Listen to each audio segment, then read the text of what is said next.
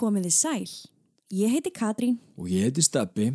og í dag ætlum við að segja ykkur draugasögu. Í þetta skiptið ætlum við að heimsækja Kanada og skoða stórglæsilega byggingu sem er umkringt heiminháum fjöllum og tærum vötnum. En þrátt fyrir fallega náttúru og heimilislegt andrumsloft þá leynast leindarmál inn í þessu 133 ára gamla húsi sem skartar 764 herbergjum og öllum þeim luxus sem þið gæti dreymtum. En í hvaða herbergi var morðið framið? Og af hverju er Sam ennþá á vakt löngu eftir andlat hans? Í dag ætlum við að kynnast þessu hóteli og skoða draugasögurnar sem fylgja því. Þrátt fyrir að eigendur gerir allt sem þeir geta til þess að fela þær. Veri velkomin í Banff Springs Hotel.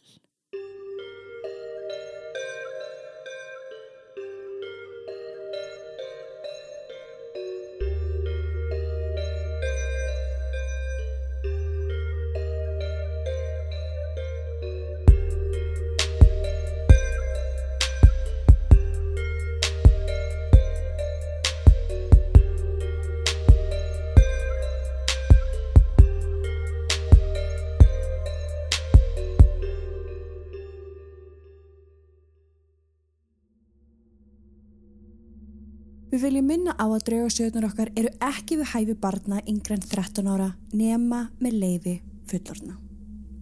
Og með því hefjum við sögu dagsins.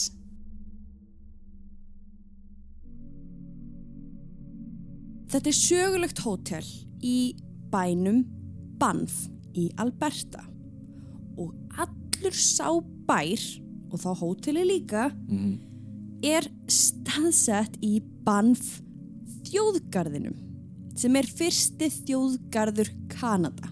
Ok, ég skil. Skilur þau? Þannig að bæði þjóðgarðurinn heiti Banff. Já, bærin heitir Banff og hótelið heitir Banff. Ok, Auk umhverfis á heimsmæli kvarða býður hótelið einnig upp á heimsklassa þjónustu og þægindi. 764 herbergi sem eru falin í rólegum hornum Kastalans eru öll með huggulegum húsgögnum og fallegum innréttingum.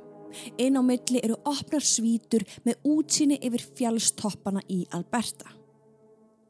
Banff Springs býður upp á mikið úrval af afþreyingu fyrir allar ástíðir. Það eru meðal bretti, gönguskíði, hundasleða, skauta, golföll, gönguferðir, veiðar, siglingar, hestaferðir og ímislegt annað. Wow. Þeir þarf ekki að leiðast þarna. Nei, greinilega ekki. Og ég meina 768 herbergi. Þetta er risastórt. Eins og ég sagði áðan, þá lítur hótelið frekar út fyrir að vera kastali heldur Já. en venjulegt hótel. Það verðist vera hlaðið með gráum múrsteinum sem eru alls konar í læginu. Andirið er stórt og mikið og þar fyrir utan er móttökuborð þar sem starfsmæður stendur og tekur á móti þeir sem koma að tjekka sig inn. Endilega kíkið á myndirnar sem fylgja sögudagsins inn á draugasögur.com. Já, ég er svolítið spenntur að sjá það því að ég kem inn í þetta handrit og ég veit ekkert Nei. svona í fyrsta skipti þá veit ég bara lítið sem ekki neitt um þetta hótel. Nei, við erum svolítið búin að þurfa að skipta sögunum á milli núna því Já, það er já. mikið að gera fyrir rannsóknina. Einmitt. En ég er spenntur. Ok, kíkt þú á myndirnar og, og hérna, ef þú ættir að lýsa þessu hóteli fyrir hlustendum, fyrir, fyrir þá sem að geta ekki farið akkurat núna inn á draugasögu.com Mhm. og skoða myndirnar. Þetta er eins og bara kastali úr einhverju svona bara Lord of the Rings bíómi. Þetta er rosalega stórt og mikið. Fjöll allt í kring. Já, þetta er svo óraunverulegt einhvern veginn. En förum snögglega yfir sögu hótelsins. Mm Mhm. Athafnamaðurinn William Cornelius var mikill viðskiptamaður eða businessman. Hann var með þá hugssjón að koma þessari stórglæsilegu náttúru og fjallandi Kanada til fólksins og honum datt þá í hug að láta byggja þarna hótel við hlið lestarteinana sem fóru þarna í gegn. Bara eins og var mjög algengt hér áður fyrr að byggja hótel við lestarteina svo að fólk sem væri á ferðalagi myndi tekka sig inn og þá aðalega svona einhverjir viðskipta menn sem Já, voru að ferðast á milli. Og líka bara business að bara geta búið upp á gistingu. Akkurat. Framkvæmdur hófust árið 1887 og hótelið opnaði árið setna, þann 1. júni 1888. Viðskiptin blómstruðu og í byrjun 20. aldar var þetta luxushótel eitt af topp þremur í Kanada.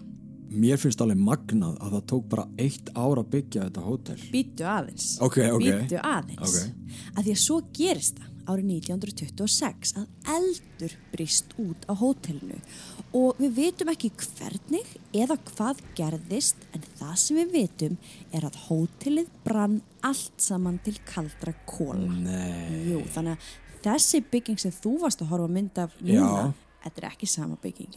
Þetta er ekki hún frá 1888. Nei. Þetta var gríðalegt áfall en eigendur voru fljótir að snúa vörn í sókn. Þeir fengu John Waff Orok, verkfræðing sem vann hjá lestarstöðinni til þess að hanna nýtt hótel, starra og glæsilegra en áður.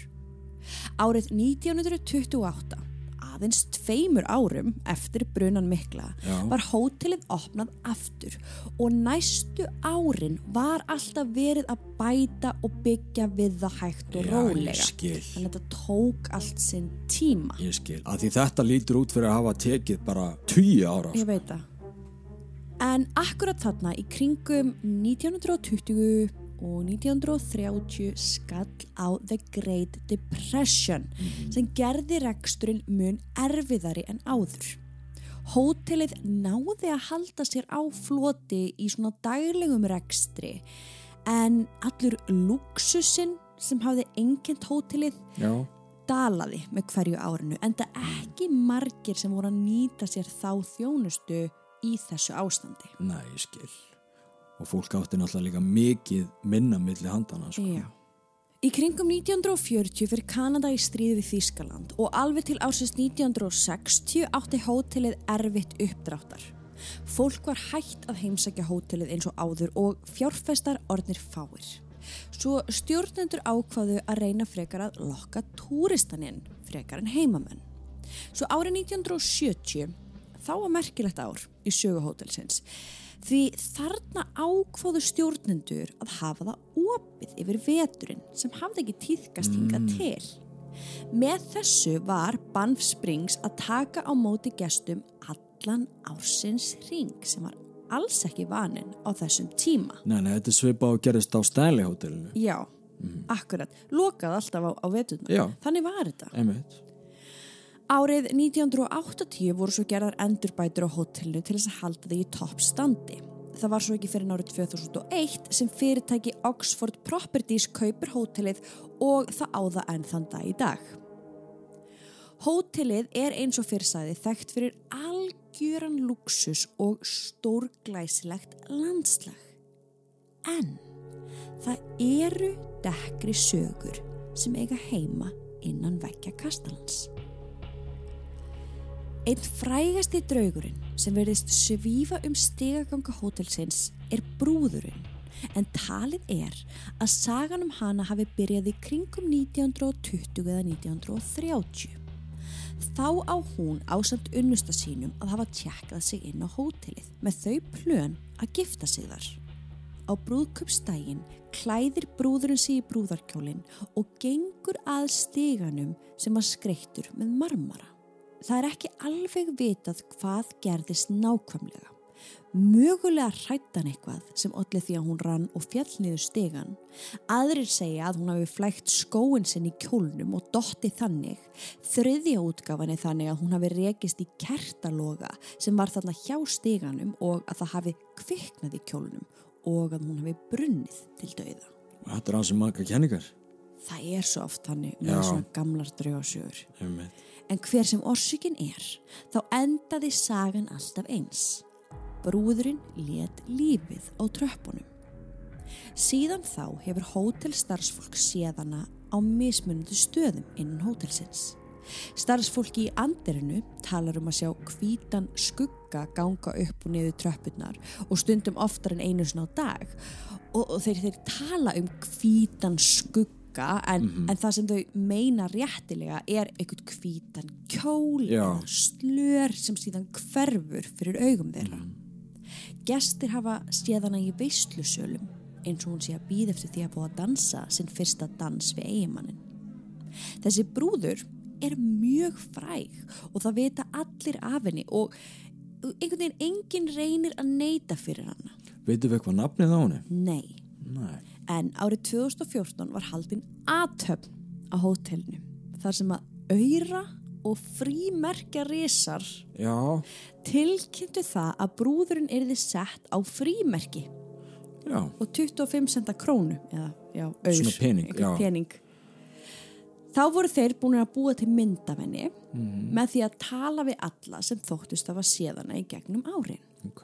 Á myndinni er hún föl í andletinu með dögt hár undir slöri sem kemur niður sitt hvora megin við andlet hennar. Augun eru svartlit og munnsvipurinn beinn. Kíkt á myndafinni. Ok. Já, hún er svona, Sér hana? þetta er svona bland af Marju May og svo bara einhverju, einhverju hryllingsmyndapersona. Þetta Já. er, já, þetta er pínu óugulegt. Þetta er frægasti draugurinn hann. Já, veistu hvort hún sé ennþá á þessum pening? Ég er ekki alveg viss. En þá er reyndar önnur saga sem að tengist henni en sem sagt það var kona sem hétt Sonja eða Ok. Sony. Og hún var að tjekka sig inn á hóteli vegna vinnu. Og hún fer þarna inn, hún bara tekur af sér úst, ekkert mál, fær bara fínt herbergi og fer að sofa, en svo vaknar hún um nóttina og þá er eins og hún get ekki hreift sig. Og hún talar um að hún hafi verið bara svefn lömuð Ok. nema hvað að við sem sagt rúmið hennar stendur kona í hvítum kjól og hún sér hvernig það eru kerti á gólfinu og eins og ég held að sagan sé að þá held ég hún sjáu sko konuna í gegnum speil, ég held að beint á móti rúminu sé speil Já, og hún sér hana endur speiklast hún stendur einhver staðar annar staðar í herberginu. Svo að kannski bara mögulega hliðan á sér. Já, og hún getur ekki hreift sig sjáðu til, þannig að hún skil. horfir í speilin og sér Hanna. já, þessa hvítu konu og greinilega einhver, einhver ljós eða einhver kerti. En hún segist ekki að hafa séð andlitið á koninu hún, að, hún talar um að hún hafi bara náttúrulega verið að fríka út. Hún já, ekki hreift sig. En svo loksins náðu hún að hreyfa sig og henni fannst, ég veit ekki hvað liður margar, öruglega, þetta hefur öruglega kannski bara verið hálf mínúta, mínúta. Já, já. en fyrir henni það voru öruglega 20 mínútur, Bara 30 eilífð. mínútur og hún fór sem sagt þegar hún losnaði þá fer hún niður og hún fer að tala við starfsfólki og hún var einmitt ekki viss hvort að þetta væri sko brúðurinn eða hvort þetta væri bara einhver allt annar draugur Já, en hún var alveg á því að þetta væri draugur. já, já, já, Ok. ég meina annars var einhver inn í herberginu Já, já, einmitt. Við höfum oft nefnt að speiklar eru ákveðin svona leið fyrir drauga að láta sjá já, sig já, og, já. og koma fram. Þetta er svolítið magna. Mér finnst þetta svolítið áhugavert sko. Mhm. að því ég held að þetta sé svona eina sagan segjum sem svo að þetta sé brúðurinn Já, þá er þetta einhvern veginn eina sagan þar sem brúðurinn kemur svona nálætt einhverjum já, ok. annars hefur hún alltaf bara sést í steganum hún hefur sést í veislusalnum Mhm. en hún hefur ekki sést inn í herbergi hjá einhverjum og haft svona mikil áhrif á einhvern Ég skil. þannig að það er spurning hvort þetta sé hún eða ekki Maður sér líka bara á myndum af þessari brúði að við það að horfa niður þá sér maður ekkert í andlita á henni. En bara um leið og hún horfir svona aðeins upp þá sér maður bara sterk sveipriði. Þannig að það er mjög svona, maður getur alveg ímynda sér að hún sér ekki alveg framann í hann Já. hún horfir bara svona niður af því þetta er Já. mjög dögt og já, já, ja, já, pínu creepy sko. þið kikið á myndirnar Við erum hér engungu til þess að upplýsa fólk en ekki rífa upp gömul sár Við segjum söguna eins og hún er því hvort sem fólki er líka betur eða verð þá gerðist þetta hér á þessu litla landi okkar Við vorum fyrst til að fara með ykkur á staðinn og leif ykkur að upplifa draugagangin með okkur í rauntíma. Nákvæmlega eins og hann er. Við erum með sönnunagögn sem engin annar á Íslandi hefur náð. Það er ástæða fyrir því að við erum fremst í flokki þegar að kemur að draugagangi á Íslandi.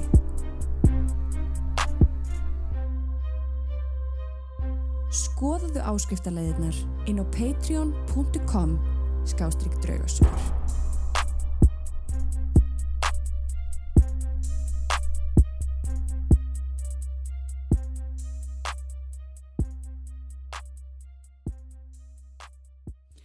Síðan er það sagan um Sam McGauley.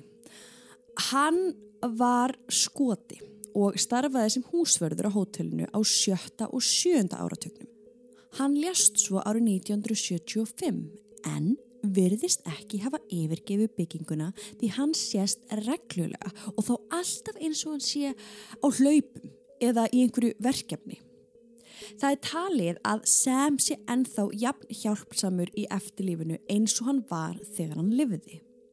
Eitt skondið atvik var þegar að tvær eldri konur ringdu neyri móttöku og báðu um aðstof. Lekillin af herberginu þeirra virkaði nefnilega ekki. Um öll Já, í já. þessu. einmitt Og þar sem þær voru ansi gamlar, báðar tvær, þá treystu þær sér ekki til þess að fara alla leið niður í lobby eftir langan dag. Svo þær báðu um að fá starfsmann upp með nýja lekla. Konan í móttökunni sagði þeim að húsvörðurinn myndi vera hjá þeim eftir 15 mínútur. Hann væri í miðjuverkefni og kæmist í miður ekki fyrr. Gömlu konurnar voru ekki alveg nógu sáttar við þessa þjónustu en gátu lítið annað gert en að býða svo þær bara standa þarna fyrir utan hörðina og býða. og glatað, ok Þegar húsverðurinn kemur loksins upp til þeirra þá sér hann að dyrnar á herberginu þeirra voru opnar. Hann gæjist inn og sér þá aðra konuna. Hann spyr hvort hann að vant einhverju aðstóð en þá segir hún honum að um leið og hún hafi enda símtali við konuna í móttökunni þá hafi húsverðurinn mætt á svæðið. Eldri maður í bláum jakka. Þessi maður hafi verið með lekil sem gerði það að verkum að þær komust inn. Húsvörðurinn vissi varla hvað hann átt að segja af því hann vissi nákvæmlega hvaða maður þetta hafði verið en hann hafði það ekki í sér að segja gömlu konunum að þær höfðu verið að tala við draug. hversu magnað. Vá, þannig að hann er það skýr og hann er bara mögulega með leikil Já, bara opnaði. vá.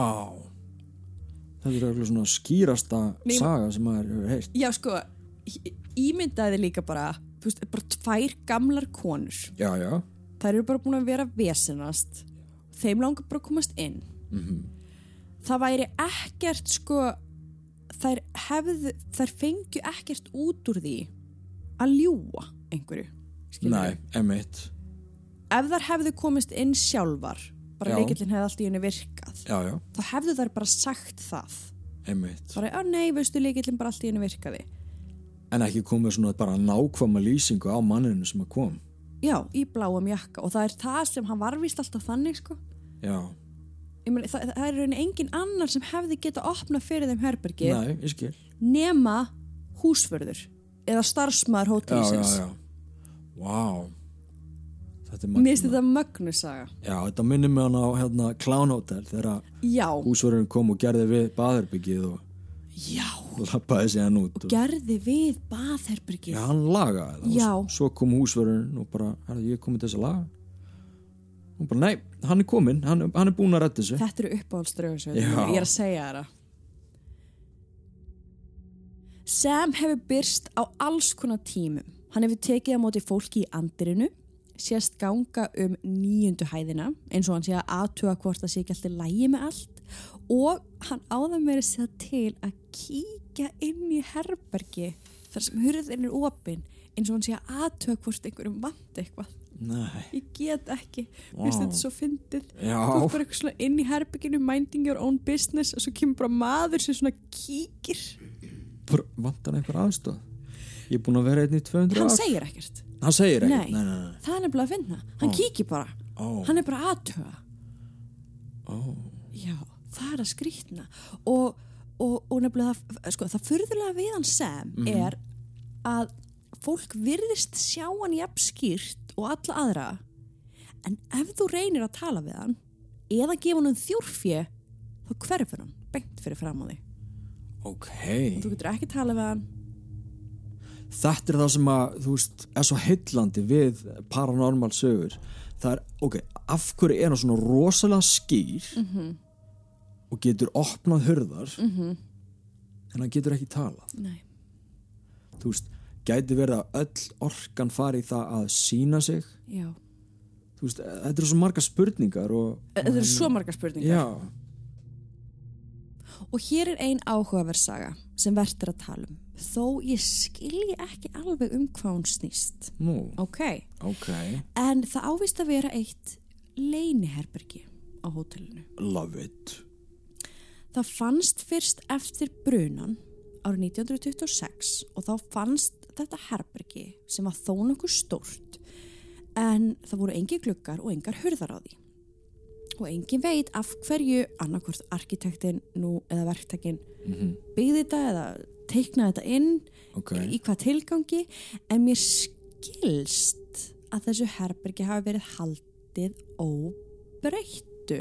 Þannig að það var ennþá uppi eftir brunan Já. og svo bara heldur áfram að byggja bara í kringum það eitthvað. Svo segir sagan sko. Ok, Það eru ekki margir sem vita nákvæmlega hvar þetta herbergi er staðsitt en þeir sem vita það tala um að sjá hávaksnar skuggaverur ganga inn og út úr vegnum þá eins og þeir sé að fara inn í þetta leini herbergi sem engin veit til hvers er.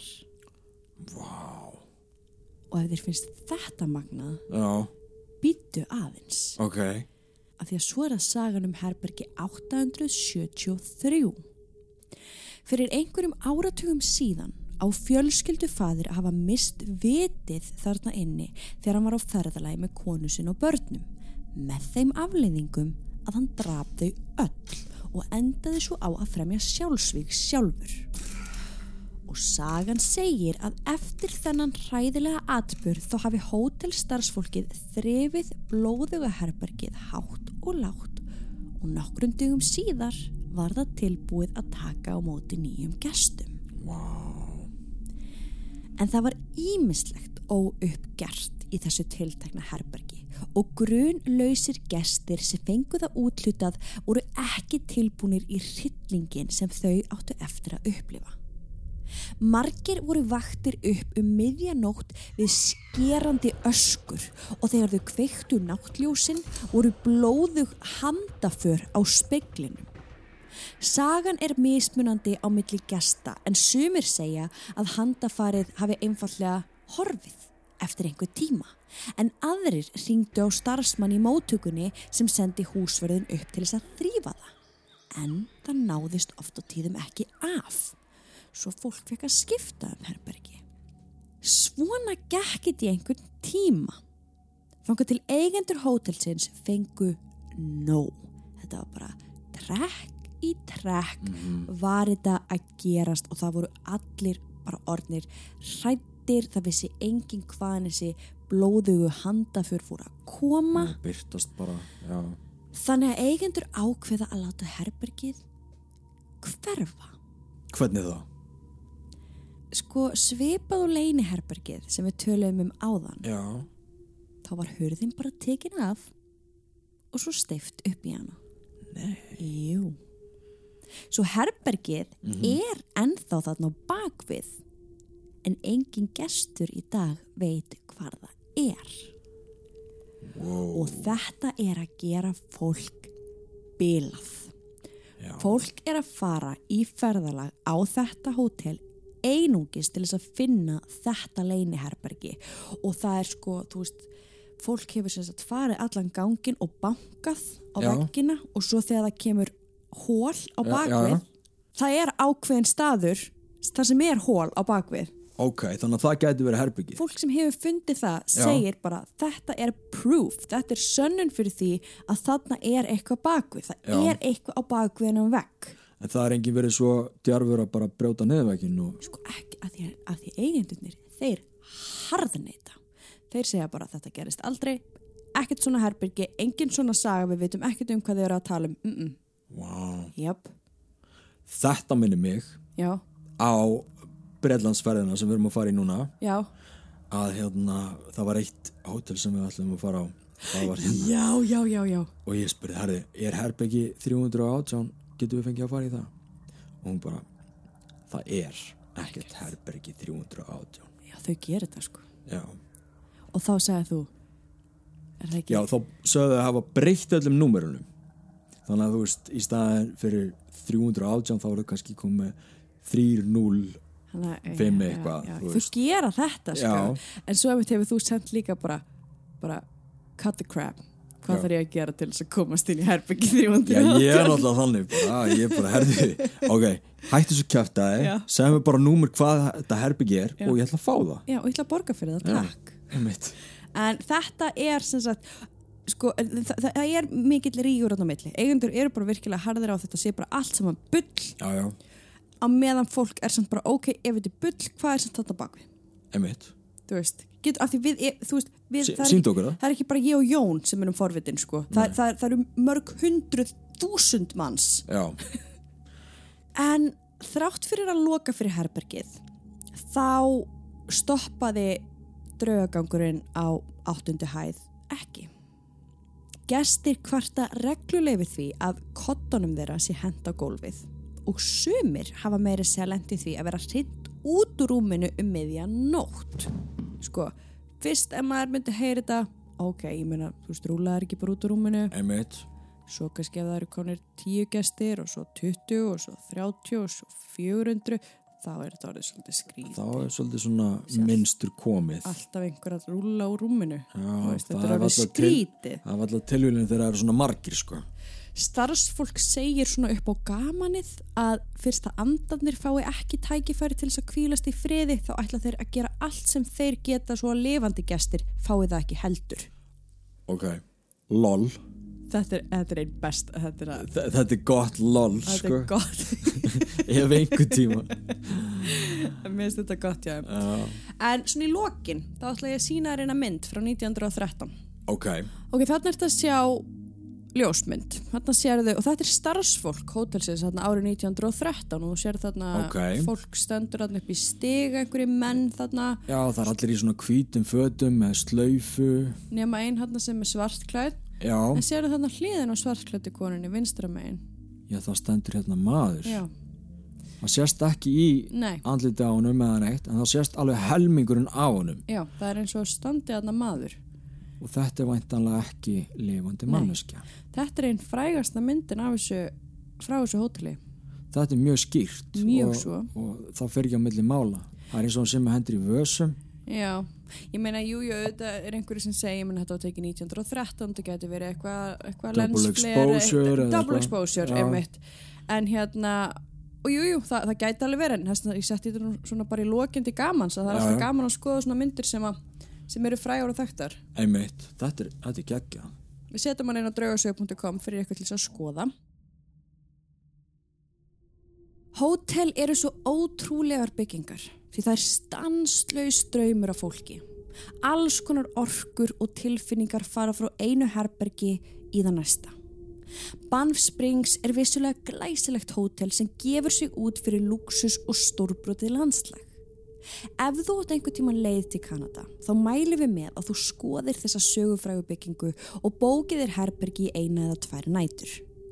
En mundu, þegar þú gengur um gangana, að bak við hlaðna veggi gætu leynst alls konar leyndamál og skuggaverur. Og ég held að sé óhætt að fullir það, að sem gestur þá ertu aldrei einn á Banff Springs Hotel. Jafnvel þó að þú haldir það.